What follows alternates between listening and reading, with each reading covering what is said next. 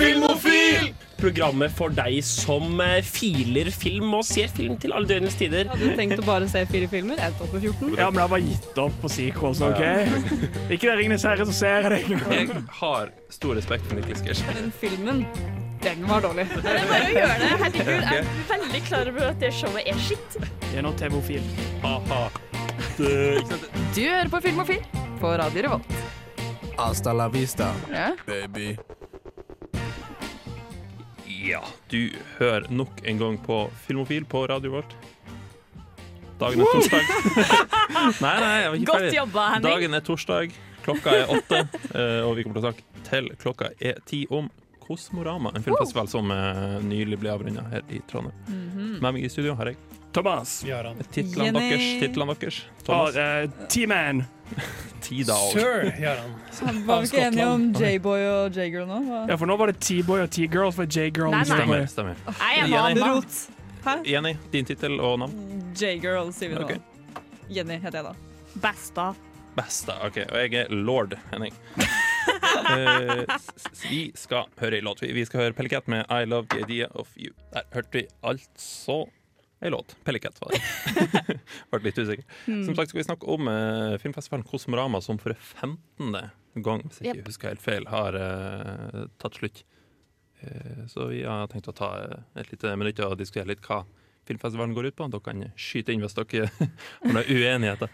Det var det som i hele eh, 80 filmer. Vi har dessverre ikke fått tid til å dekke alle, men vi eh, har dekket så Vi klarte. vi prøvde etter beste evne, da. Det gjorde vi, og Ja. vi skal uh, gjennom sendinga snakke litt sånn ja, om hver kategori, da. Vi har vel sett noen og 30 filmer? 31,5 ja, kom jeg fram til. Hmm.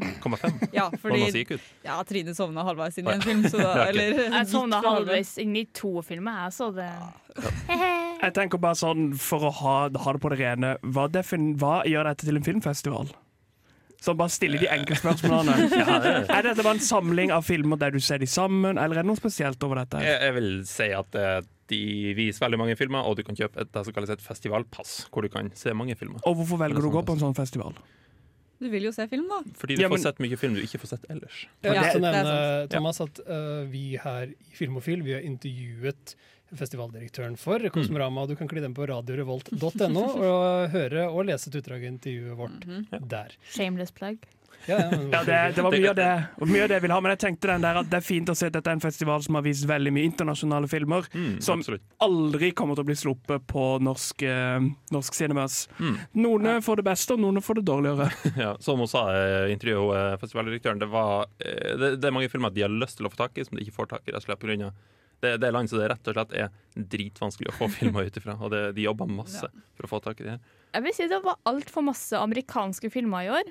Det bruker liksom å være liksom liksom Jeg skjønte hva de sa! Men jeg synes det, liksom, det bruker å være mye mer liksom, internasjonale filmer. Det bruker å være mye mer fra Japan. Vi er fra og, Norge, Amerika internasjonalt for oss. Ja, men det er liksom mer enn folk som prater engelsk på filmen. da Det bruker å være så mye mer. Så det har Mm. vært litt trist når det ble så mye indie-amerikansk som jeg kan få i tak i på en andre måte. Ja, det kan. Altså, før eh, de årene mine på Kosmorama så har jeg sett veldig mye asiatisk. Ja, det har vel Altså, vært mindre av det. Koreansk, japansk, indonesisk, kinesisk, whatever. Altså, men eh, det, var, det, det sant, var mye mer vestlig film. Ikke, Ja. at, noe, ikke at det gjør noe, det er veldig sånn Ja, men artig å få litt sånn uh, eller, vestlig filmbonanza, på en måte. Mm. Og se mange filmer som du altså, jeg, jeg, jeg føler jeg fikk sett mange filmer som jeg tenker at det her filmet jeg har kommet til å prøve å oppsøke i framtida uansett, og har veldig lyst til å se. Mange av de hadde nok fått tak i. Sisters Brothers, uh, Kindergarten Teacher, for eksempel. Den har vært litt vanskelig å få tak i, tror jeg. Og den har jeg ikke hatt lyst til å få tak i. oh, ja. Jeg Det syns det var faktisk veldig chill at det var mye mer amerikansk. fordi at det var noe jeg merka under denne festivalen, er at asiatiske filmer og uh, filmer fra liksom, blokka i Europa har en annen struktur enn den vi her i Norge er vant til. Ja. Vi er ganske vant til en amerikansk struktur rundt filmene. Og det var på en måte mye av problemet mitt med en del av filmene, var at de var så alien i måten de var bygd opp på. At det var vanskelig å tolke filmen for en som er både vokst opp på amerikanske medier. Så for en halvveis filmnerd så var det ganske fint å både få liksom, kurer, kurert eh, er samla inn en haug av filmer som i hvert fall ligner på den type stilen som man vanligvis ser, men som er et annet kaliber som man vanligvis ikke finner, egentlig. Hvis man ikke må lete effektivt, hvis ikke man på en måte er innvidd. Det er en sånn fin måte å få folk inn i denne verdenen, istedenfor bare å droppe de ned i en indisk film som bare snakker symbolikk. Okay. Du vil ikke ha utfordring i filmsmaken din? med. Jo, men jeg er tenker eh, du begynner ikke med å slenge folk liksom på det verste du vet. Du må liksom ise folk inn i det. Ja, for sånn som jeg og Jaran, det var første gangen vår på Kosmorama. Ja. Yep. Og er, jeg syns det var helt greit. på en måte Jeg synes det var en bra blanding av film. For det er filmer Jeg føler alle filmene jeg så, er filmer som eh, det er vanskelig å få tak i, eller som jeg har hatt lyst til å se, som jeg kan ha fått tak i, eller et eller annet sånt. Så jeg syns det var Jeg synes det var en bra opplevelse, og veldig bra liksom sammensveisa. Jeg vil jo bare si at Hvordan jeg valgte filmene, var å se på programmet og velge de peneste bildene. Så Ja, hvilken film skal du se, Thomas? Hva handler den om? Nei, den hadde et fint Jenny var så irritert på meg. For, ja, men Hva handler denne filmen om? Han hadde et pent bilde, svarer jeg. Hun ble så sint Og flere jeg ganger. bare Nei, den filmen der handler om tyskerbarn. Ja, Ja, den hadde et pent bilde, Men det var jo bra.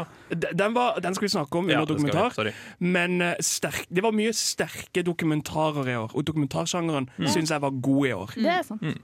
Jeg vil konkludere uh, Rop nei før vi går til låt, hvis dere er uenige, men jeg vil konkludere med å si at uh, Kosmorama er en veldig fin mulighet til å se mye rart. Du finner selvfølgelig noen Ja. filmer du ikke har lyst til å se i det hele tatt. Ja, De kan du unngå, men det er 75 andre filmer å se. Ja. Så det anbefales.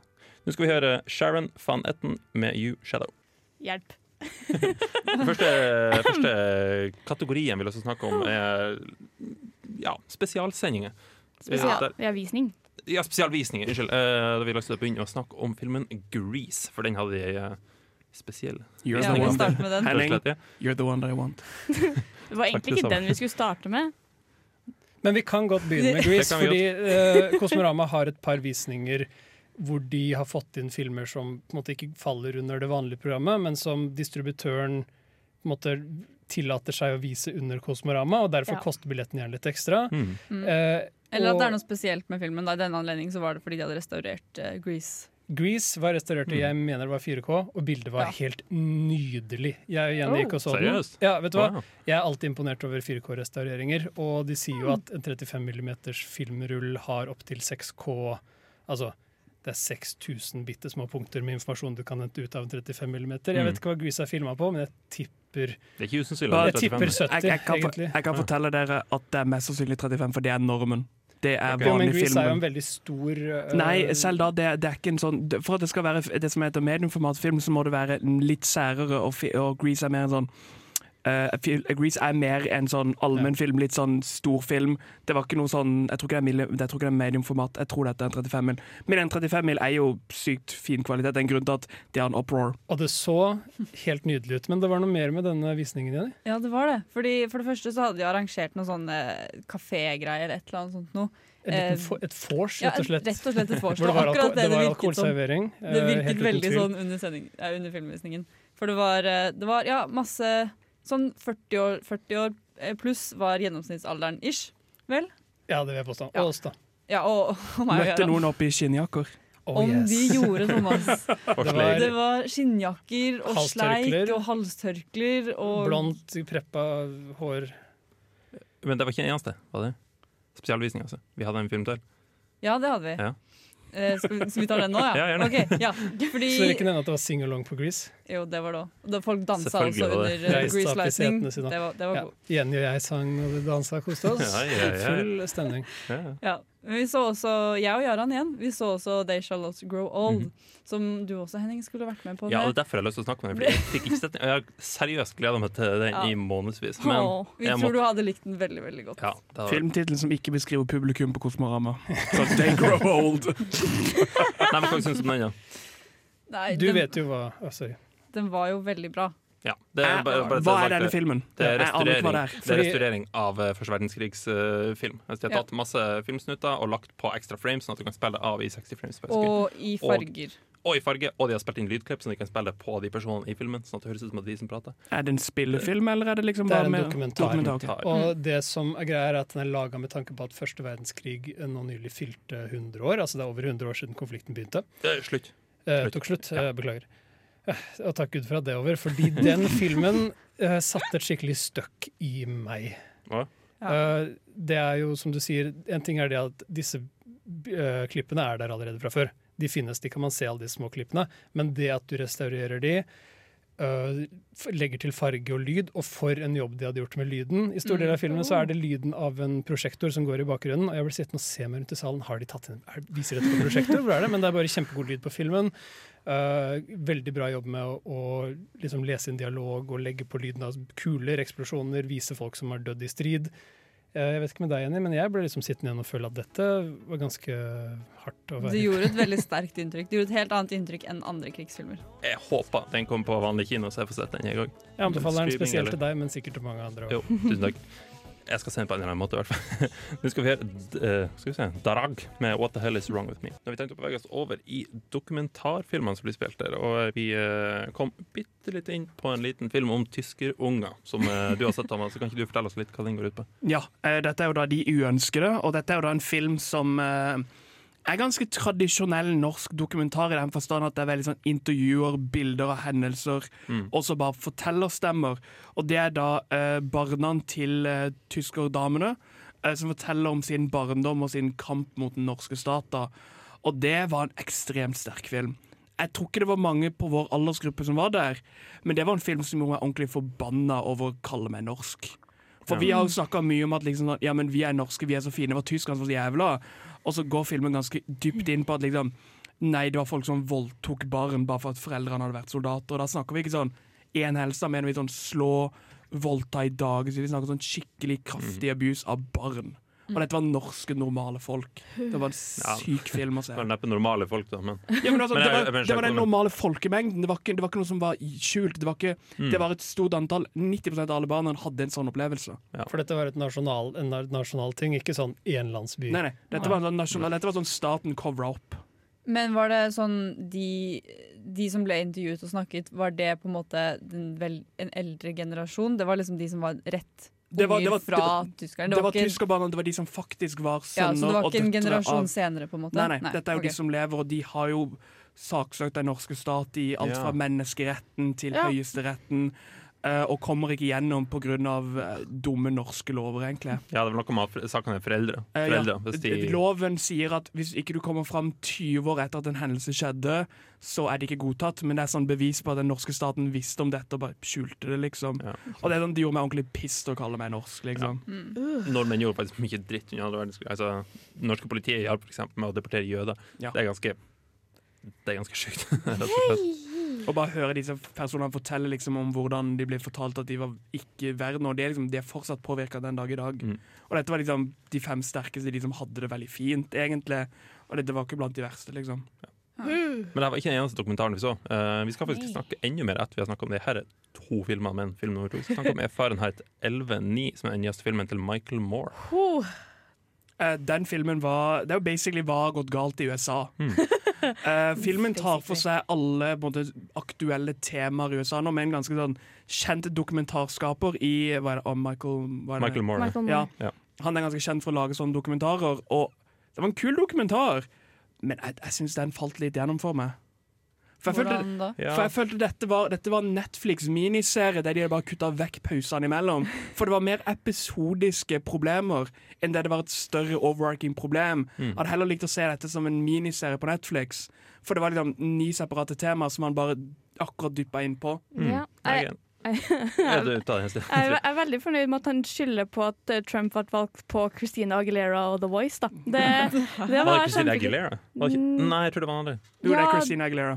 Hun fikk mer betalt enn han på, uh, På The Voice. på, på The Voice, Mm. så han slutta og ble president isteden. Mm. Han skulle, han skulle bare kødde Han var liksom stille som president, men så når han kom på sin første rally, så var det sånn oh, Ja, for det, det var en falsk rally han satte opp for å vise liksom, se, altså, Han skulle gå til CBS og si Se, jeg er mer populær enn Christina Aguilera. Hvis det var hun. Jeg er ikke helt Ja. sikker på det, men altså, la oss se. Um, så han satte opp en Stefani. Falsk Ja, Gwen Stefani var det. Stemmer. Jeg liker henne. Stemmer. Det Eh, var samme begge to. så han hyra inn masse folk da, til å heie på han når han stilte president, og så sa han at oi, faen, folk digga meg faktisk. Og så fortsatte han det Ja. og sånn ble det. Så, eh, det var det TV TV-programmet hans, The Apprentice da han fikk uh, dårligere betalt enn Gwen Stefani på. Jeg syns også det var så veldig kult med denne serien. At, jeg kaller det serie, for det er det det var for meg. Ja. Det var en veldig kul en fordi at den Det var ikke sånn republikanere er jævler. Nei. Det var sånn Mye av dette problemet ligger i the underlying ish. Dette er liksom dette er ikke bare republikanere som er rasister og demokrater som er gode. Det var, det var, jeg synes Han var veldig flink til å på måte, lyse etter sakene ordentlig. Det, det, er sånn, det, gjorde, det er jo vondt å se på når det ble liksom annonsert at Hillary ble presidentkandidaten til Demokratene. For du bare Du ser når Bernie Sanders kommer og sier ifra, bare sånn Han ser så lei seg ut! Mm. Og det, det er liksom det, det, er jo Bernie ble jo valgt ganske mange steder der de sa Hillary vant. Så det er sånn Han vant mange sånne counties. Så det, Ja, Han vant eh, sånn faktisk alle steder. Han var vant nok til å bli primary edition, Mm. men de nei, det gjorde han ikke. det gjorde han ikke. Eh, Men, men jo, eh, det skal sies at Hillary fikk veldig mange av de som kalles superdelegater, som er sånn ansatte i, eh, i det demokratiske nasjonale komiteen, eller hva det heter. Ja. Men- som, ja, som teller som like mange stemmer. Men eh, han hadde ikke vunnet hvis du hadde tatt bort de her stemmene, Nei. dessverre. Men vi får se i år. han var flink. skal de temaene han tok opp, Michael Moore, i den dokumentaren, her, var veldig gode. Hver for seg. Altså Flint og alt mulig. mulig. altså Hitler og det. Det var veldig bra, men jeg er enig. Han kunne ha gått litt dypere inn i det.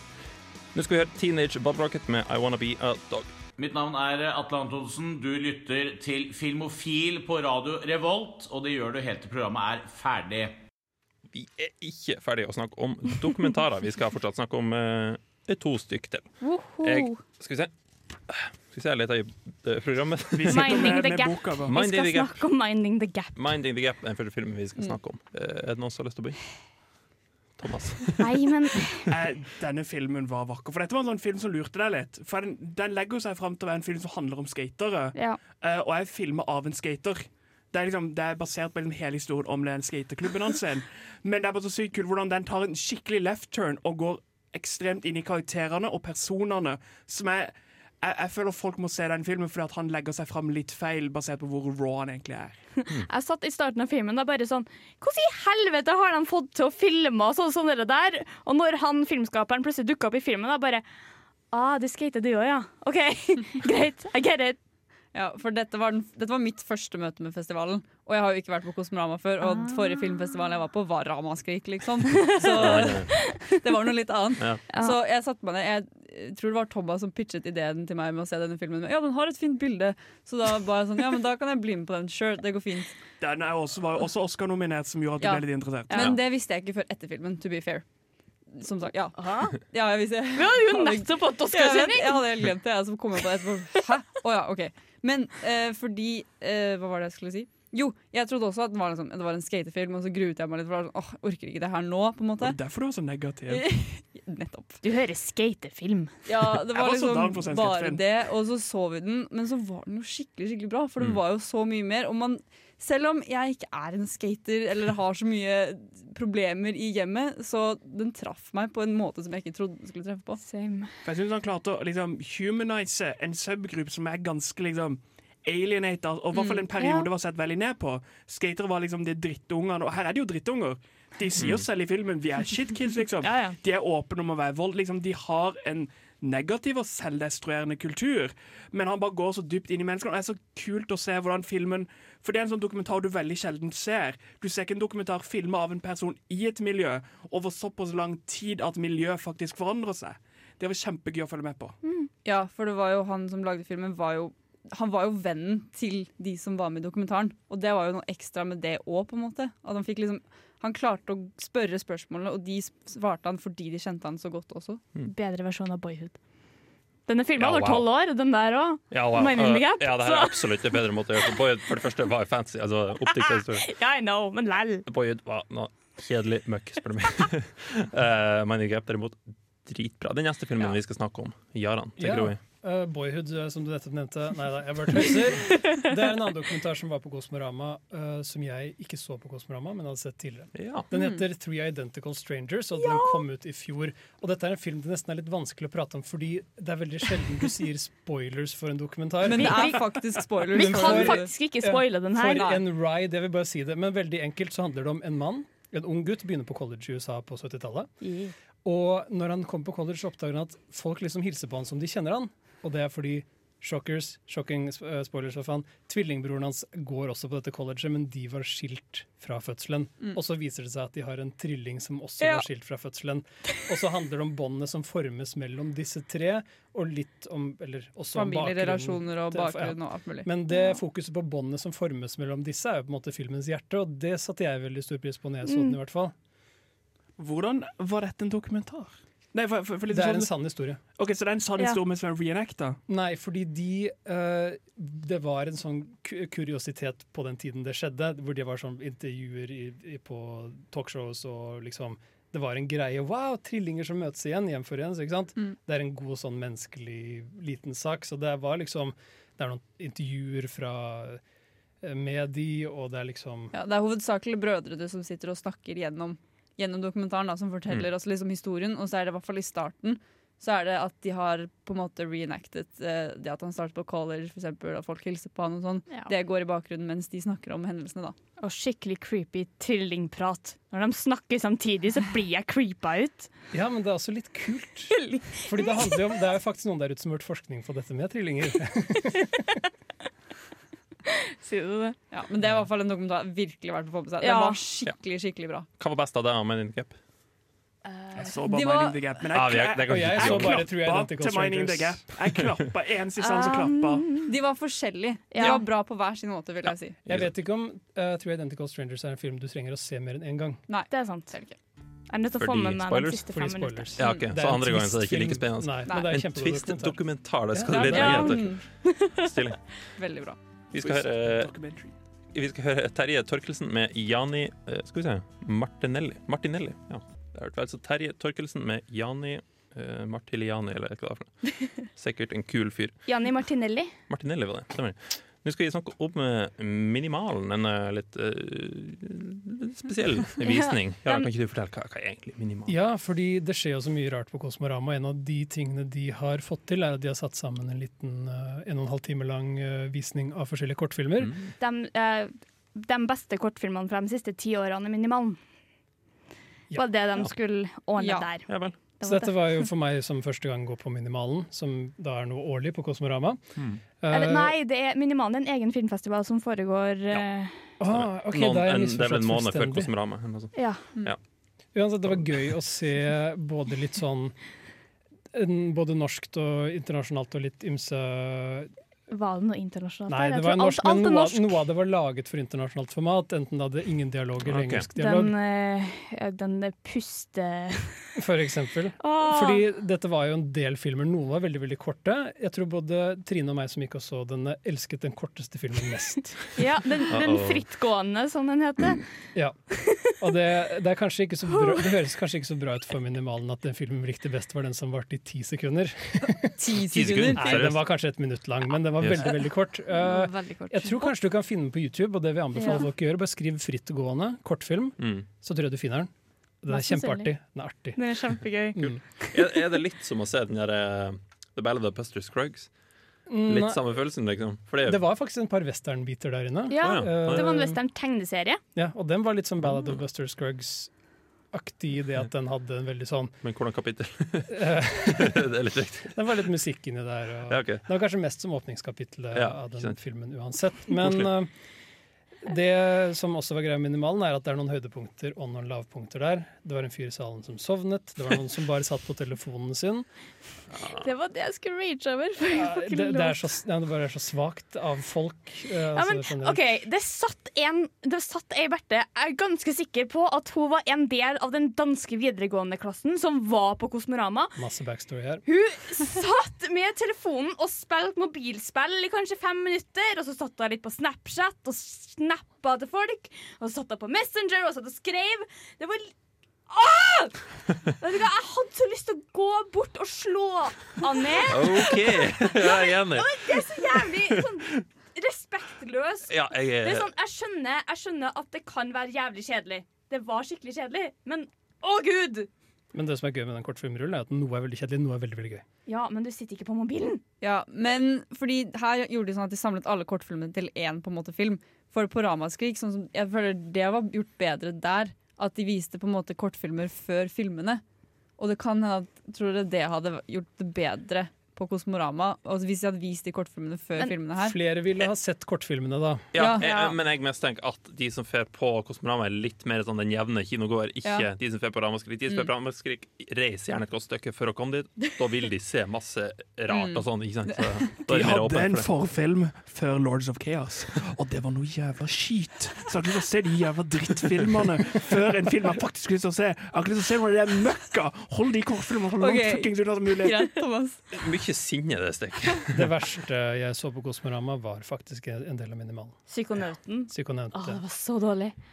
Med det så må jeg bare si at eh, på eh, Ramaskrik, som er festivalen som vises hver høst i Oppdal, der har jeg hatt en av mine beste filmopplevelser. Great choice! Great Choice er en eh, Den går fortsatt rundt på festivaler, og derfor kommer den ikke på nettet, og jeg klikker! Irriterende. Jeg har veldig lyst til å få tak i den. Ja. Jeg skal melde fra. Hvis, hvis, jeg får tak i den, så skal jeg i hvert fall si det på sendingen. Nå skal vi høre Hollerado med One Last Time. Den neste kategorien vi skal snakke om, er New Directors. Og der uh, fikk vi heldigvis sett en film som har vært veldig mye snakk om internasjonalt og nasjonalt. Jaran, kan ikke du introdusere den her? Ja, Eighth Grade er det vi Mhm. tenker på. Og dette Yes. er en film av en helt ny regissør, men han er uh, kanskje kjent for New noen. Directors, kanskje. Ja, men han er kanskje kjent for noen, selv om han er liksom ny på Ja. fyr, som Ja. filmskaper. Så han er Mm. kjent som en fyr som allerede har skrevet og produsert både musikk og humorinnhold. Det er Bo Burnham, standup-komikeren. Yeah. Og uh, mange ville kanskje forvente at han skulle lage en mer litt sånn dustete komifilm, men han har laget et veldig rørende såkalt coming of age-drama. Eh, som handler om en ung jente som går i den amerikanske versjonen av åttende klasse. Ja. Spilt helt fantastisk godt av en skuespiller jeg ikke husker navnet på. Elsie Fisher. Ah, mange takk. Og den handler bare om at av og til så kan det være litt vanskelig å være ung. Og det, den filmen har blitt lagd før, men ikke på den måten. Hvorfor er det sånn at hver gang en komiker eh, velger å gjøre sånne filmer, så gjør de noe sykt seriøst? Det er fordi comedy is hard, drama is easy. Thomas. Det er alltid Og det har visst det mange ganger. Men det er sånn jeg, jeg bare elsker den måten han klarer å fange den følelsen av hvor jævlig Ja. kleint absolutt alt er på det tidspunktet. Fordi hele Fordi- filmen er klein. Det gjør vondt! Hele filmen er klein. Men også hvor på en måte, alvorlig du, det virker for deg når du Ja. er så ung. Det at, fordi vi kan le, og det er kanskje det svakeste med filmen for meg, er at av og til så har den litt ironisk distanse til det som skjer på skjermen. Mens for karakteren så er dette faktisk sånn Å, herregud, hele verden min faller fra hverandre fordi faren min spionerer på meg når jeg møter vennene mine på kjøpesenteret, fordi han lurer på hva som skjer med meg. liksom. Så det er en Mm. scene der hvor det er sånn Æsj, han gamle duden står og titter på oss. Det er sånn Det er pappaen min, shit! Og hun får bli bare helt krise, ikke sant? mens for Ja. oss er det bare litt sånn søtt og morsomt. Uh, Ja. Jeg vil bare si Bo Burnham som regissør. Det var det beste med filmen. Han har noen, han, Til å være første gang ute med å regissere en film, så er han utrolig selvsikker. Han tar noen veldig kule valg, valg der. Det, er noen veldig, det var en sekvens hvor hun prater i telefonen.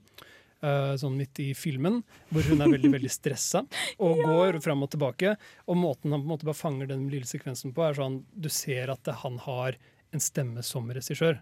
Mm. Så jeg gleder meg til å se hva Bo Burnham gjør videre. Ja, fy faen. Om ikke standup. Om ikke sant? Det gjør han nok fortsatt. Peele, for eksempel, han er et eksempel på en, eh, en sånn fyr som har gått fra komedie til jævlig god film. Jordan? Er? Jordan Peel, ja. Jordan Peel. hva sa Eh, du sa Key and Peele, som er komiker. Ah, herregud, han heter ikke han heter Jordan Peele. En annen film som er under denne kategorien New Directors, er Cold November, som eh, blant annet jeg så. Det er en film som tar for seg eh, eh, konflikten i Bosnia-Hercegovina. er? Nå glemte jeg helt. Jeg Ja, si det er noe det der, i hvert fall. Ja, i hvert fall. I, og, og det, her, er- jeg har litt lyst til å snakke om det, at den konflikten der vet jeg så lite om. Eh, og når jeg kom inn på det her, så følte jeg at jeg burde ha visst litt mer om den når jeg så den. Men Eh, du vet at at det handler om folkeslag som ikke er glad i hverandre? Altså, Ja, ja, ja. ja, ja. Altså, selvfølgelig. Uh, det, det, det blir etablert i filmen, det kan du si. Men uh, fortsatt vil jeg si at det var en veldig god film som framstilte det med desperasjon. En mann som eh, må velge mellom å si opp jobben sin og stå sammen med folket sitt, eh, eller å beholde jobben og bli uh, ja, bli uh, lyst i bånd. Jeg syns det blir lettere å si brødfø familien eller storme med folket. Blir vel en Ja, lettere måte å si det på. Ja. Det dette var jo plott i en av de nye South Park-episodene forrige sesong av South Park. Ja, det. South Hvor de Park streiker i Amazon. Ja, stemmer. Stemmer. Det var en dårlig sesong. Men med den filmen her, da, sånn som eh, Jeg visste ikke helt hva jeg skulle forvente. den. Jeg gikk inn, var sånn, jeg leste litt om var sånn, ja, ok, dette kan bli sånn hjerteskjærende drama, eller så kan det bli sånn skvip som man ikke liker så godt. Men den gjorde et utrolig sterkt inntrykk på hvert fall meg. Synes jeg i hvert fall, fordi jeg visste jo heller ikke så veldig mye om liksom, selve konflikten eller hva som skjedde i det landet før jeg så filmen.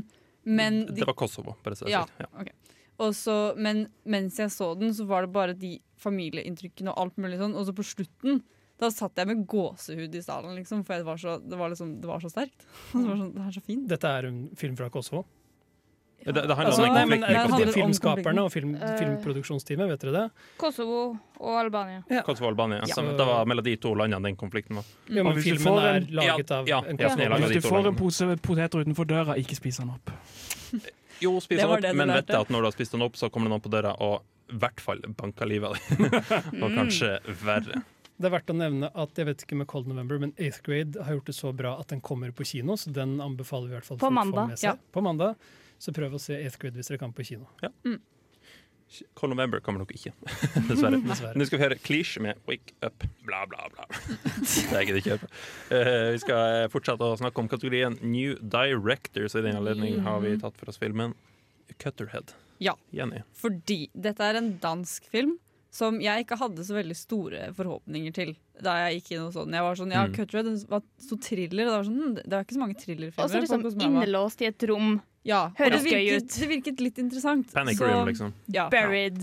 Og jeg må si, jeg var så stressa under hele den filmen. filmen. ja. Det var helt sjukt. Jeg satt liksom, fordi det er veldig mye av handlingen er jo at hun er inne i dette rommet, og at hun er stengt inne fordi det skjer en eh, eksplosjon eh, i for hun, ok, Det det handler om, er at det er en eh, journalist som kommer ned i sånn rørsystem under bakken. De skal lage en metro, Metro, i, ja. under København. Nettopp. Mm. Og så skal hun ned da for å ta bilde og liksom ikke markedsføre, men promote, ja, et eller annet ta bilder av det, det de driver med, da, og liksom skrive inn artikler om det. og liksom forskjellig. Jeg lurer på om hun skal male på sida av liksom, stasjoner og sånn, med arbeidere som har arbeida Ja.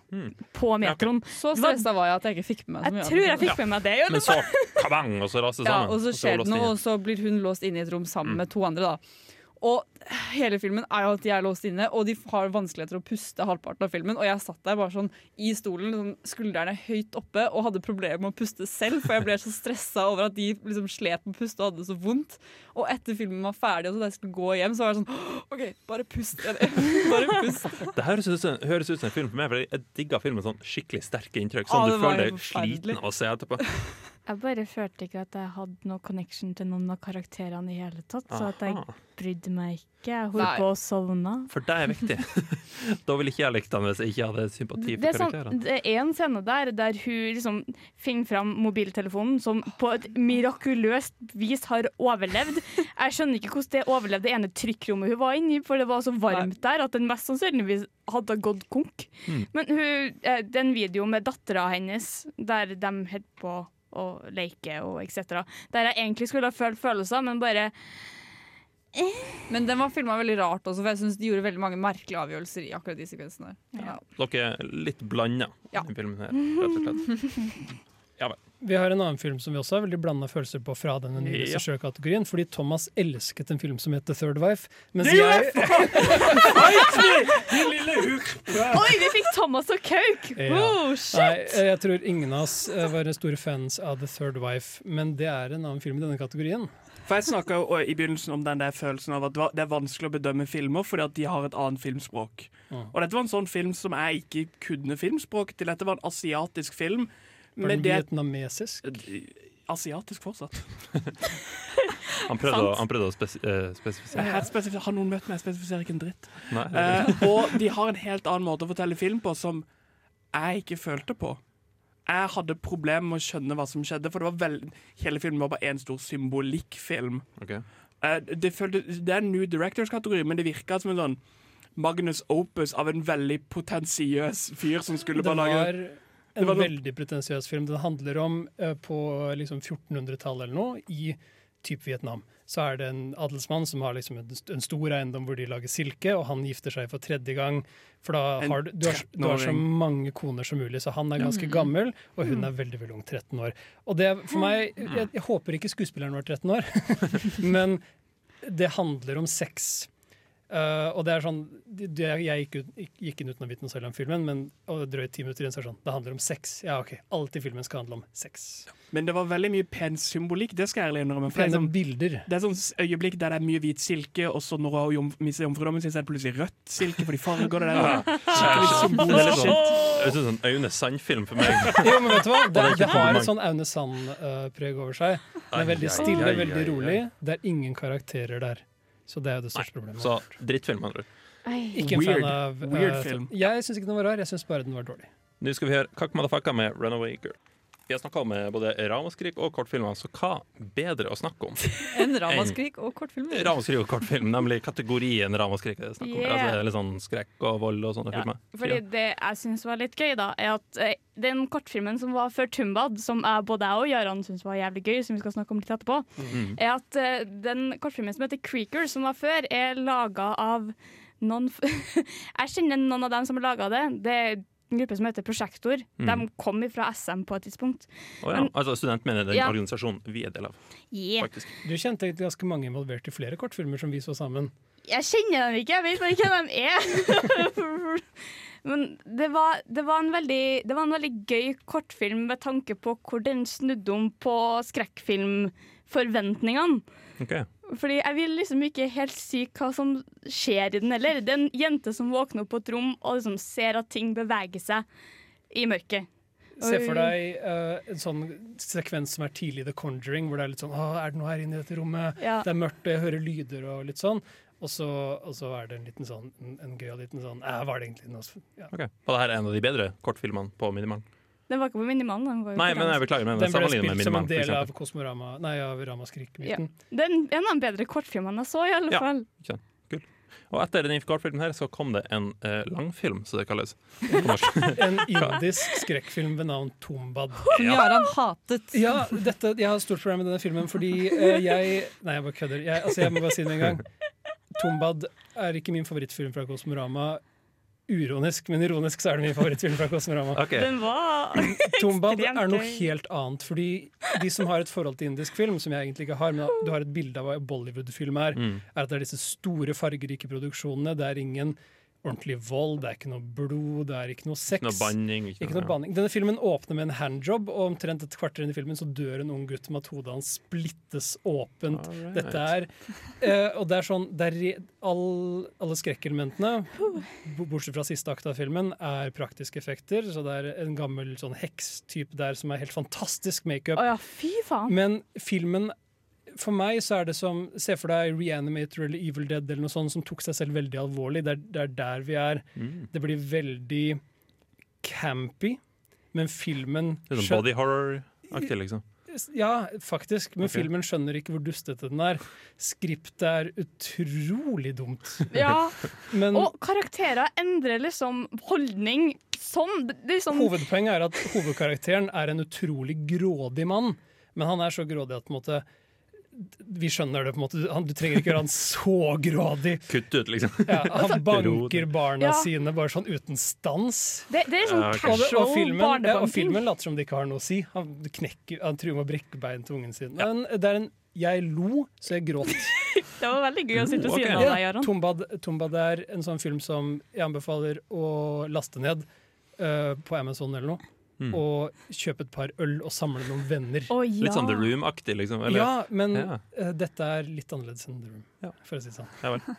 En annen film som var på det programmet her, Thomas. Det er jo en film som faktisk kommer på kino, så hvis du har lyst til å se den, så har du mulighet til å gå og se den. Og det Mm. er jo da Lords of Chaos. Lords of Chaos. Som er da historien, eller den sanne, usanne historien til the birth og basically death of true Norwegian black metal.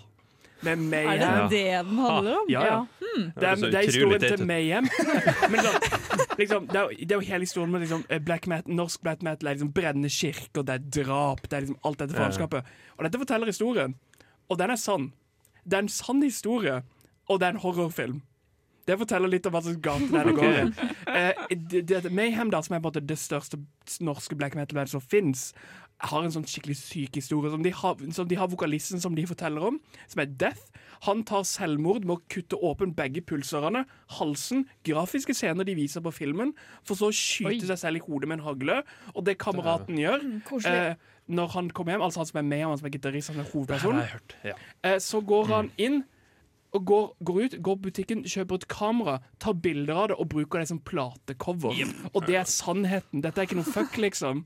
Fordi dette er jo uh, Jeg tror de fleste vil kjenne igjen denne historien, litt sånn som Henning gjør, fordi dette er jo også der Varg Vikernes på en måte kommer fra, og mange Ja. vet hvem Varg Vikernes er. Han er en, en av hovedpersonene. Greven der. Ja. Ja. Greven Bursum. Vil du si den var bra? Det var, det, var, det var ekstremt. Det er, så, det er så weird å se, for det er en skrekkfilm med horrorelementer. Men det er en sannhet, og alt er sant. Litt dokumentar. Ja, det, det, det, er, sånn, det er skikkelig fuck. Og så er det kjempegøy, for at han ene ser ut som uh, Macaulay Culkin fra Malene. Som, Men han heter Kalken til etternavn, Ja. så jeg lurer på om det er Kalken. Nå uh, skal vi gå videre. Den neste kategorien vi skal, den neste kategorien vi skal snakke om, er samfunn. Men før det så skal vi høre Pikekyss. Eh, navnet på låta var altså 'Holder meg tilbake', for de som lurer. Eh, de som lurte på det. Eh, kategorien vi skal snakke om nå, er samfunn. Jenny, kan ikke du starte med en, en, en eller annen film derfra?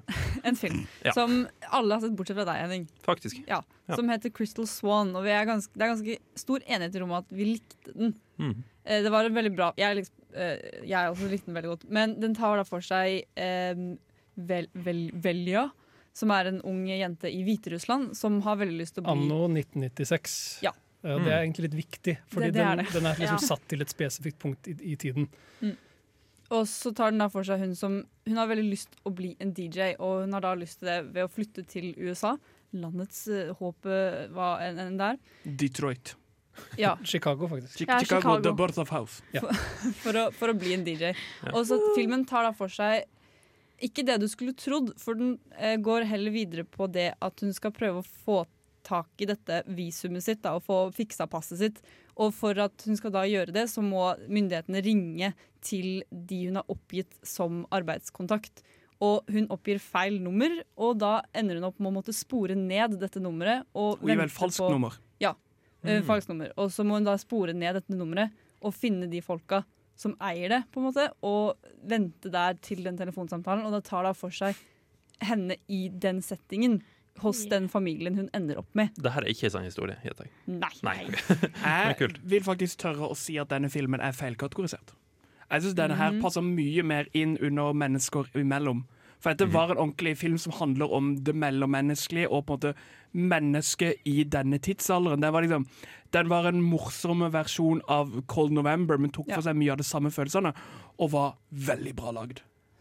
Det er nok litt overlapp i kategoriene, fordi for meg handlet filmen om tilhørighet, det å jakte på en drøm, det å holde fast ved liksom et ideal, eh, og også på en måte, det å ikke å vokse opp, men å lære noe om hvor du kommer fra, og hvorvidt du på en måte trenger denne tilhørigheten. Altså, jeg synes, Og jeg er også- drømmene sine. og- Ja, men på en litt annen måte, fordi det eneste som representerte drømmen, var denne telefonsamtalen som kanskje skulle komme, mens hun Mm. basically bare trengte seg inn i dette hjemmet til en familie som på en måte De bodde på landet, ikke sant, så de var ikke så uh, interessert i disse drømmene hennes og hennes Det som virkelig solgte denne filmen, var skuespillerne, for de var fantastiske.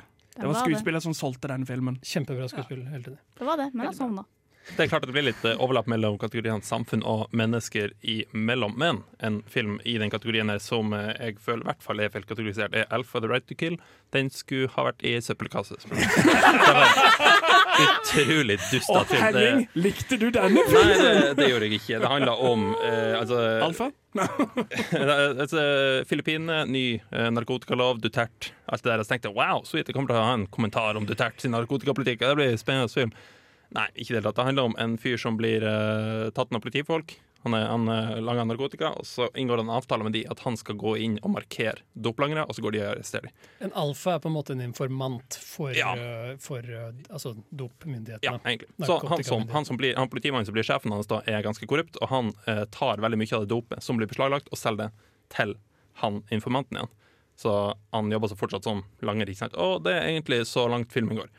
That's it. De, de driver med det de driver med, eh, og eh, Filmen er jævlig pysete, justice, sånn opplevde jeg den som. For jeg har forventa at dette skulle være mer sånn den heter Alpha the Right to Kill, og det står at det skal handle om det, Plottet er bare liksom dopsituasjonen i Filippinene. Ja. Bildene er liksom av folk som blir holdt i, eh, i fangenskap og, og ja, kledd, kledd nesten naken i gata, Ja, bare stilt opp. Og, og ja, sånn. ikke sant? Umenneskelig behandling. og det, de menneskerettighetsbruddene som antagelig foregår nede i Filippinene, er sånn en journalist sier det i to replikker. Sånn, Hva med, anklagen om menneskerettighetsbrudd, sier politimannen sånn.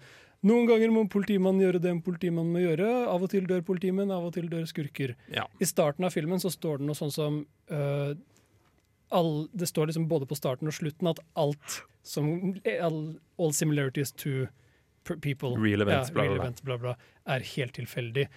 Og det, var så, det virka så feigt. Ja, helt ærlig. Helt enig. Det er, en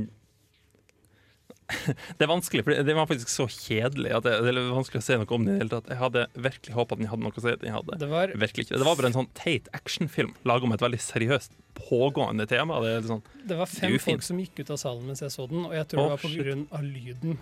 Ja, for den var så jævla høy. er høy, skjærende. Det er som noen har spilt opp med en telefon og spiller den av fra telefonen sin Yep. gjennom hele filmen, yep. og det er helt grusomt. Kast den i søpla. Men det skal vi høre The Drums uh, Ja, The Drums med Body Chemistry. Nå skal vi snakke om den kategorien vi nevnte bitte litt i forrige omgang, nemlig uh, Mennesker imellom. En film vi så der, mange av oss var The Kindergarten Teacher. Ja. Og hvem bedre enn meg til å snakke om det? Fordi det spiller en Gyllenhaal-person, uh, Gyllenhaal-søsken i den filmen her. Da må selvfølgelig jeg skyte inn Maggie Gyllenhaal. Uh, hun er uh, vanskelig å finne om dagen. Hun spiller ikke sammen kjempemye, men her er litt grunn for det. For det var ikke sånn kjempebra. den filmen der. Hun spiller helt greit, men alt i alt så var den filmen veldig sånn, litt sånn in your face. Sånn som den sluttscenen her. Den var, den var litt bra, men litt in your face, vil jeg si. Jeg syns sluttscenen var noe av det bedre med denne her. Ja. Eh, for vi må fortelle om filmen. Filmen ja, handler da om en kindergarten teacher som går på nattkurs og skriver dikt, men ikke egentlig ikke har noe talent. Mm. Eh, og så er det plutselig en av ungene i sin skoleklasse som har et skikkelig naturtalent for å skrive dikt. Bare lese, Eh, resitere, resitere og bare dikte opp og sånn. lage disse selv, og det er veldig unormalt for en fire- Femåring. fire, fire-femåring å gjøre. Ja. Og måtte hun ta disse diktene som sine egne og måtte prøve å utvikle hans sitt kunstnergen. da Ja, Mm. Han prøver å fremme han som det neste Jeg vet ikke. Mozart. Ja. Mozart. Ja, og sammenligne han med Mozart, ja. Ja. Ja. Eh, men uh, det, hun tar det lengre og lengre og lengre. og lengre og så og, usunt. Og så fælt å se på. ja, utrolig Ja, sant. Det, var, det var veldig ubehagelig å se på til tider. Og det var litt der, Hva er det du driver med? Du er et Du kan ikke ringe Ring barnehagelæreren din på telefonen når du er fem. Var ikke det Nei, normalt det- for det- dere? Det var veldig ubehagelig, rett og slett. Men det jeg synes også, fordi det er, dette er en film som Den virker veldig rett fram når du leser om den. Og så Mm. den men det den klarer å gjøre, er at den går sakte, men sikkert frem. Og den klarer å gå liksom på en logisk måte over til det mer creepy. Eller er litt mer sånn rare. Og det syns jeg var litt interessant. At den faktisk klarte å gjøre det, for du syns det er greit på en måte i starten, og så krysser hun en slags Ja, for- grense. Fordi man, sånn- man klarer å sympatisere med henne til en viss grad, men så Ja. går det bare lenger og lenger, og lenger, Mm. lenger og til slutt innser du at oh, OK, det her er Jeg skjønner hva du vil, men kutt ut, vær så snill. Eh, vi har enda en film å snakke om i den eh, kategorien her som jeg, uh, jeg har merka var en stor Herregud, en stor favoritt. Mm. Thomas. Eh, Det er da Champion. Champones! Jeg, jeg, bare, det er jeg sånn heter champignon, for det er det jeg har lest som. Det er da film, en italiensk Nei, fi- spansk. spansk feel good-film. Til det tusen ja, men det, sånn, feel, det, det finnes ikke en feel good-skrekkfilm eh, som da handler om en basketballtrener Det var en, det var en spansk eh, såpeopera slash komedie. eh, som handler da om en basketballtrener som har et sinneproblem og klarer å håndtere det. Eh, kjører i fylla og blir da tvunget som straff å trene et lag med mentally handikappa. Og, var, og han har da sine problemer og veldig sånn høyt oppe. Han var liksom det største Han var neste trener til den største treneren i landet, og skal da trene disse mentalt handikappene. Og Han er altfor høy på seg selv og tror han kommer til å gjøre det så bra. Bare sånn, dette Nei, er. han hater jo jobben. Han vil Ja, jo virkelig ikke gjøre det. Men han tror Men- han er for god for den. på en måte. Fordi selvfølgelig er det jo ikke han som lærer de noe, Ja. men det er de som lærer han Det en sånn- noe om å være liksom et menneske. Det er en sånn skikkelig feel good-movie. Og, det- er og han, er ikke, han er ikke Han er ikke han, er liksom, han sier ikke unnskyld for det, han er veldig åpen om det. Og jeg synes det var veldig kult, for at Veldig ofte så ser du sånne filmer, og så må de introdusere den ene scenen der det er sånn tre minutter, men alt var ikke bra, for han fant ut av dette her, og så er de uvenner i to minutter, men så blir de venner. Han klarte å holde seg fri for alle disse tingene. Han hadde bare ren humor og varme følelser. Og når du klarer å få meg til å føle noe for en overvektig mann som ikke dusjer og har svetteflekker, og synger på bussen, da føler jeg du har gjort noe riktig med karakterene dine. Den var bare så genuin. Den var liksom så herlig å se på. Så spesielt jeg likte så godt, for jeg liker veldig godt spanske såpeoperaer. For jeg synes det er så teit. Det er så forferdelig teit. Og det de gjorde i den filmen her også, var liksom no Det var ikke en teit film, syns jeg. Nei, men det de klarte å gjøre, da, var at den var jo på et tidspunkt så var den sånn Det var noe veldig, veldig lite dramatisk som skjedde. Sånn type Det var en som sa et eller annet til hovedkarakteren, og så var det sånn litt trist. Og så kjørte de på med den triste musikken, og alt var liksom sånn Det var nesten sånn at de begynte å filme det i svart-hvitt, for det var så trist og dramatisk, liksom. Og det var så fantastisk. Ja, det funka. Det Ja, var jeg ikke uberteit, liksom. Jeg syns det var kjempegøy. Ja, okay. Men, ja. Det er en veldig corny film, så når Ja. Thomas sier at han ikke syns den var teit, så er det litt sånn så vi samme film. Fordi den er, som du sier, den, den angrer ikke eller prøver å skjule at den er en corny uh, altså komedie. Men det som var gøy, er at den var ikke redd for å styre unna det at en del av karakterene er handikappa. Det er masse vitser der som bare handler om at han er en retard, basically. Av mange vitser som handler om politisk korrekthet rundt kan, altså, Er det greit at jeg kaller det retard og den type humor også? Mye av det som var så fantastisk med den filmen, var at på en festival med så mye seriøse, dype temaer, så var det veldig fint å ha en film der du kunne lene deg tilbake Ja. og bare nyte det og ha det gøy. Mm, veldig deilig. I hvert fall ha det gøy, om ikke nyte det. Nå Fight me. skal vi høre et par låter etter av en liten pause. Vi skal høre 'Listen to Girl' uh, med 'Once Yourself'. For et program i burra med både klasse og stil. Du hører på Filmofil. Pling. Pling. Eh, Nå skal vi snakke om uh, litt diverse. Så En film som absolutt er litt diverse. Det er en film som heter 'The Song of the Tree'. En kirgisisk film med fransk undertekst. Nei.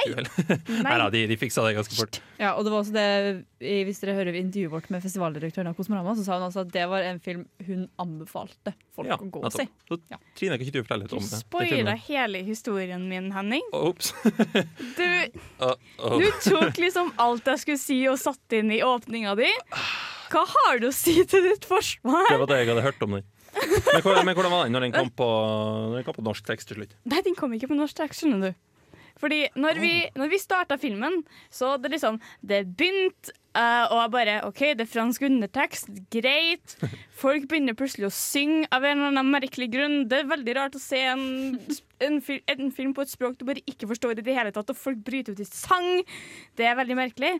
Men det er liksom Vi kom jeg tror vi kom et kvarter inn i filmen, og ingen har sagt ifra til, til en av eh, en av Cosmo-crewet at liksom bare Hei, undertekstene er på fransk. Folk bare godtok det. Ja, folk godtok det, så de, liksom, de stoppa filmen.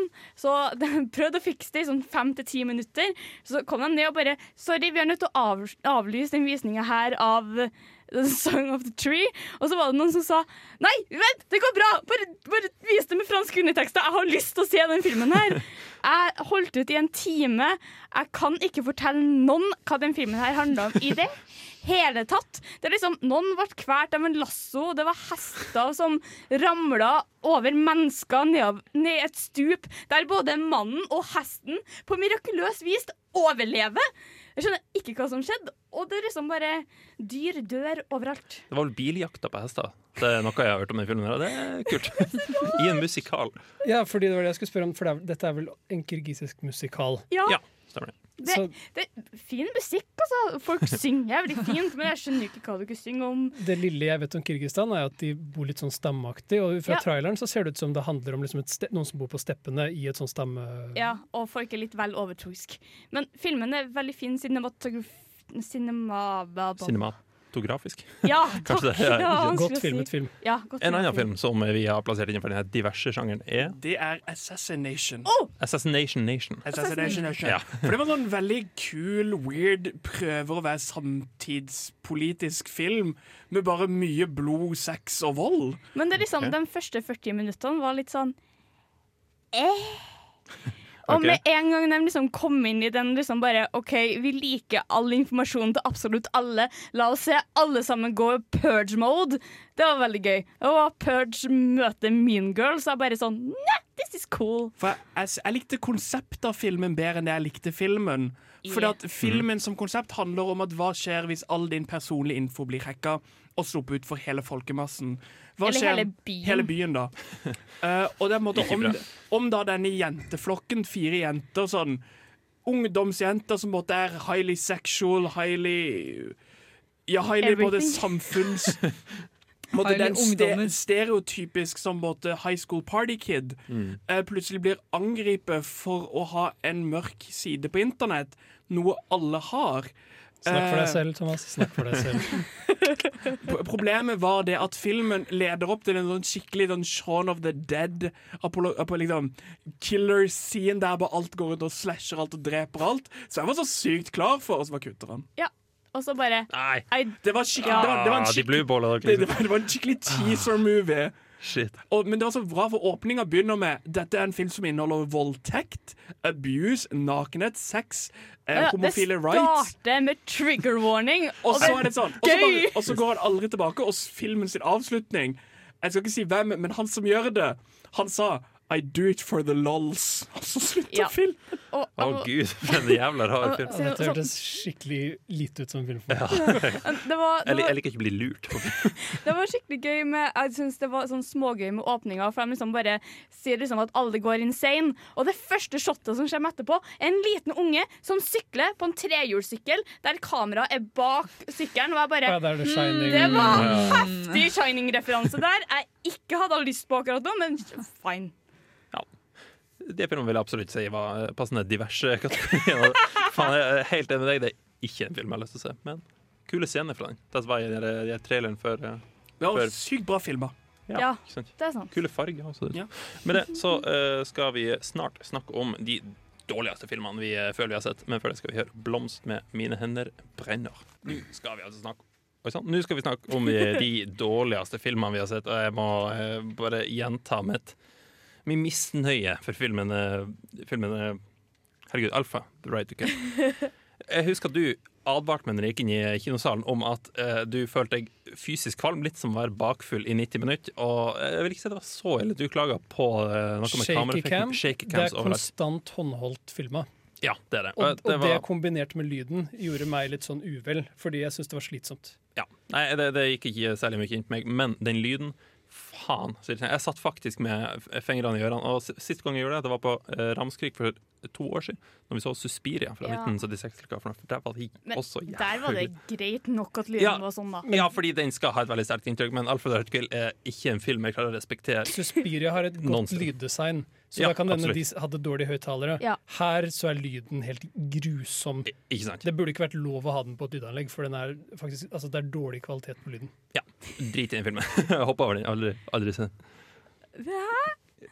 Eh, Trine, hva, hva er din eh, Takk! verste film? Jeg vil gjerne Beklager. introdusere Beklager det. Nei, Det er en film vi har prata sånn bitte litt om, som både jeg og Jenny så. Den Cutterhead. Fordi Ja. den Ja. appellerte ikke til meg i det hele tatt. Men jeg så liksom Det som irriterte meg mest, var at jeg så potensialet til en god film inni der. Men den bare klarte ikke å komme seg Men, til, til det punktet der jeg brydde meg. men Nei. syns du fortsatt du, du ble litt sånn vanskeligere for å puste og sånn? Eller skjedde ikke det i det hele tatt med deg? Nei. Det var bare jeg som ble veldig revet med, da. Det var litt sånn det, kan også være at jeg var litt trøtt, men det er liksom når, Men det er liksom bare Jeg hadde litt andre forventninger til filmen også. Ja, det er veldig kjipt liksom- når, du, når du tenker at den filmen der kan være skikkelig skikkelig bra. Altså. Det er så mange bra filmer der folk er lokka i et rom. Men, de har jo 10-20 minutter med veldig eh, merkelige scener på slutten, og jeg er bare sånn Så den, den, den kua i melka, med andre ord. Altså, det, det finnes nok filmer med den tematikken. Ja, ikke sant. Jenny, da? Hva er din verste? I, uh, Under the Silver Lake. Den så jeg tror Det er første film jeg har sett på kino som jeg holdt på å sovne av. Fordi okay. den var bare så sær. Vil påpeke at seks personer gikk under den visningen til sammen. Gikk Yeah. og forlot, ikke, forlot faktisk Forlot. Kino- forlot kinosalen mens filmen spilte. De forlot den på tysk. Mer av, mer av Sogna-maulet ditt, eh, Forlot av saunen! For den var, den var altså så merkelig. Jeg kan, ikke, jeg kan ikke begynne å forklare hva denne filmen handler om, for den er så merkelig. Det er, man, jeg satt under hele filmen og lurte på hva i alle dager er det som har skjedd nå, og så tok de med elementer som det var liksom, De introduserte noe som var litt kult. Det var sånn type tegneseriebiter som kom opp. Bare sånn, ja, dette er en karakter, hun er sånn og sånn. Er en naken dame som kommer i maske og skal komme og drepe deg. Yeah, Introduserte de en gang, og så kom hun inn i filmen i sånn to sekunder, og så var hun borte! Og så var det ingenting mer med henne å gjøre! Og hele filmen var Den, sånn! den scenen på når hun holder gunneren og løper, var kjempegøy. Nei! Problemet problemet mitt med denne filmen var at noen hadde sett en David Lynch-film. Og så hadde de prøvd å gjenskape det, men de, de men, de ville, men de ville forklare det veldig tydelig. Sånn, skjønner du? Skjønner du? Det, det, det er dette det betyr. Det var, liksom, det var dårlig, syns jeg. Det er Mulholland Drive skrevet av en niåring. Ja. Det er det jeg har lest det på nettet, og det, bare, det er så ah! Jeg skal snakke mer om den der senere. Hva med deg, Jarand? Hva var Det er din sikkert verste mange opplevelse? som lurer på hva jeg hatet mest på Kosmorama. Og det jeg hatet mest, var uh, alle som var der. Men jeg skal gjøre noe litt annet. Jeg skal Satt ved prate siden av hverandre under alle visningene. Litt, Betyr det at du hater oss? Mm, Jeg hater alle. Men det, det jeg vil gjøre, er at jeg vil prate om en kortfilm. Fordi dette er, det er et mirakel. Det var, det, var mye, det var mye som var dårlig der, mye som var bra på Kosmorama. Men når filmen din er ti minutter lang, og det føles som den varer en time, da har du gjort noe virkelig, virkelig galt. Og denne lille kortfilmen heter 'Psykonauten', og den handler om hvor sjukt fett det er å ta uh, sopp. Fleinsopp. Fleinsopp. Hmm. Eh, og den er filmet ikke så verst, men den er veldig pretensiøs. Og hele filmen er sånn Når jeg tar sopp, så er det så jævlig kult. Det er bare sånn Jeg elsker naturen. Og filmen bare varer og varer. Og varer. I ti minutter. Ja, men det, jeg, altså, jeg trodde jeg skulle dø. Det jeg mislikte mest Jeg har lyst til å angripe konsepten bak noen av disse filmene. Jeg syns det var for mye potensiøse filmer på denne festivalen. Det var veldig mye sånn high and mighty wannabe artsy dritt. Eh, som var veldig sånn Highbrow, jeg går på filmfestival, så var det, det midt i Trondheim. Og jeg syns ingen film liksom encapsulater det mer enn The Third Wife. For her var en film som var veldig sånn Symbolikk. Det handler om sex. Det handler liksom Bare for å quote deg for tidligere. Men det handler om sex. Ja, og det var det, var det, det var så potensiøst at det var irriterende. Husk at uh, Kosmorama har et ganske bredt uh, publikum, så det er sikkert noe for alle. Selv om du ikke liker franske kunstfilmer, som du har uttalt flere ganger. Dette er ikke en fransk en, dette er det. en Nei, nei, nei. Kunstfilm. Nå skal vi høre Nå kunstfilm. skal vi. Brenn med du og jeg. Det var Brenn med du og jeg. Nå skal vi snakke om uh, de, de beste opplevelsene vi hadde gjennom eh, årets Kosmorama. Thomas, kan ikke du begynne? Ja, uh, min uh, potensiøs ned. Den filmen som traff meg best, uh, og var mest ekte, og var mest real for meg, blir å være 'Mining the Gap'. Mm. For det var en film som ikke bare var filma veldig vakkert. Den traff meg på et ordentlig emosjonelt nivå, ikke bare fordi jeg følte for karakterene, men fordi jeg kjente meg igjen i en del av posisjonene de sine. Man har alle den personen som er veldig karismatisk, men som er negativ for deg som person. Det, jeg følte meg igjen i mange av disse miljøene, og det var bare veldig sterkt å se en ordentlig dokumentar om et miljø der du er en del av miljøet, og der du følger de såpass lenge, der de går for shit kids til å snakke om at de ble abused av foreldrene sine, til å komme ut sterkere på den andre siden. Det var en veldig sterk og fantastisk dokumentar som jeg ser veldig lite av. Det er veldig lite av den type dokumentar. Helt enig. Og den var gjort jævlig bra. Altså, Ja. Alt fra filming, bare de, de scenene hvor de skater rundt i byen. Ja. Fantastisk. Jarane, hva er din favoritt? Jeg har også lyst til å trekke fram en dokumentar, fordi det er mm. veldig deilig når en dokumentar eh, får en følelsesmessig respons fra deg. Og for meg så var det 'They Shall Not Grow Old' som jeg tror jeg likte best. Det var også den Mm. siste filmen jeg så på festivalen, så det var en litt sånn en finalitet ved denne filmen. Ikke bare med tanke på krigen, men for meg personlig. Ja. Så det kan ha hatt noe med det å gjøre. Men rent teknologisk så var det sånn når de bare zoomer inn på dette eh, bildet, og fargene begynner å blø inn, og lyden begynner å dukke opp, for det har vært svart-hvitt og bare helt vanlig liksom stum, stille dokumentarfilm. Eh, liksom 100 år gammel faktisk film som Mm. blir vist, og så Mm. begynner fargen og bildet blir større. Ja. Mm. Så får du bare en sånn wow. Det er ikke perfekt. Eh, det er langt fra perfekt gjort. Teknologien trenger nok å pusses litt mer på, Mm. men det imponerte meg veldig. Ja, og en sterk opplevelse i tillegg. Jeg er veldig, veldig misunnelig. Jenny, da? Hva er din? Eh, det er en film vi ikke har snakket om i det hele tatt, faktisk. Den heter Blindspotting, og den, den, var, den har et veldig basic konsept, og plottet er veldig sånn ja, Det er en fyr som skal prøve å rydde opp i livet sitt etter at han har vært i fengsel, og han er på probation, og så skal han prøve å ikke komme i noe trøbbel før han kommer fri, da.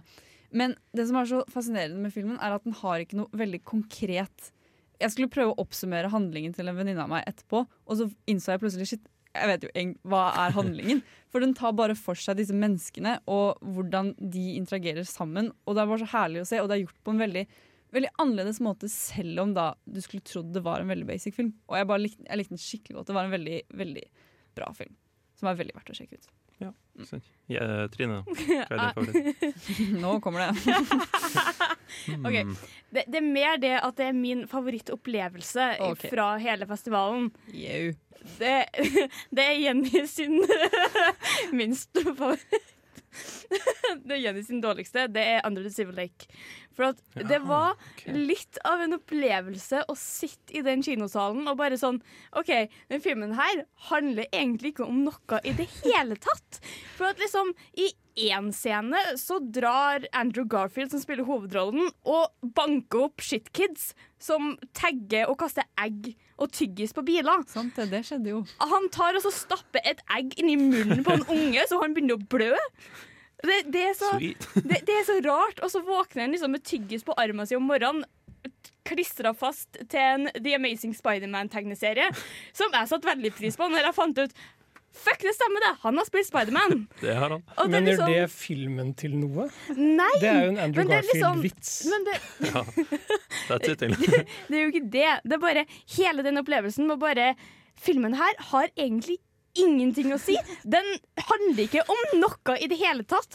Men det er bare gøy å være med på den rare turen som er den filmen. Den er kjempesær, og det er det jeg liker med den. Ja. Ja vel. Jeg ble litt sjokkert over at du tar en film som bare ikke har noe å se på. Det var litt ulikt deg. Eh, Min favorittfilm var The Sisters Brothers. Men vet du hva? Det er Jake Gyllenhaal som spiller i den filmen. her uh, Og vi skal faktisk snakke om han eh, neste sending, så jeg har ikke lyst til å fortelle for mye om den. Fordi den uh, går på kino neste uke. Så vi kommer til å, uh, nok til å lage en liten anmeldelse av den. Vi er straks i slutten av sendinga, men før den tid skal vi høre Das Body med 'Taller Than The Average Man'. Der var vi i slutten av denne sendinga. I denne sendinga har vi snakka om filmfestivalen Kosmorama, som tok slutt nå søndagen som var. Hvis du har lyst til å høre den på nytt, så kan du høre den på podkast på Stream og Demand på nettsida vår, radiovolt.no. Og Kosmorama, vi Eller- ses sikkert neste år, gjør vi ikke det? Garantert. Det blir ikke hører på sendingen hører på at vi hater, så Ja. Neste sending skal vi snakke om ingen mindre enn Jake Gyllenhaal, min Som favorittskuespiller. Du tisa i forrige Som er teasa i You forrige. tease. Ja. uh, filmen 'Sisters Brothers' Den skal vi anmelde og snakke videre om uh, ja, fyren i sin helhet. Henning studio skal gushe om Jake. Ja, absolutt. uh, dere får ikke komme. Eh, ingen av dere er invitert. Meg i studio i dag har jeg hatt G-modell Torres BFF, Thomas. J-boy. Jenny. Besta. Og navnet mitt er Henning Sjøli. Gleder dere dere til neste sending? Ja! Jeg får snakke om. Jake Gyllenhaal. Ja. Hjemmeleksa er Velvet Buzzer. Den uh, nyeste filmen hans den ligger på Netflix. Se den. Den er ganske kul. Den handler om kunst. Ikke se traileren. Den handler om kunst. Det er det eneste du trenger å vite. OK. Ha det bra.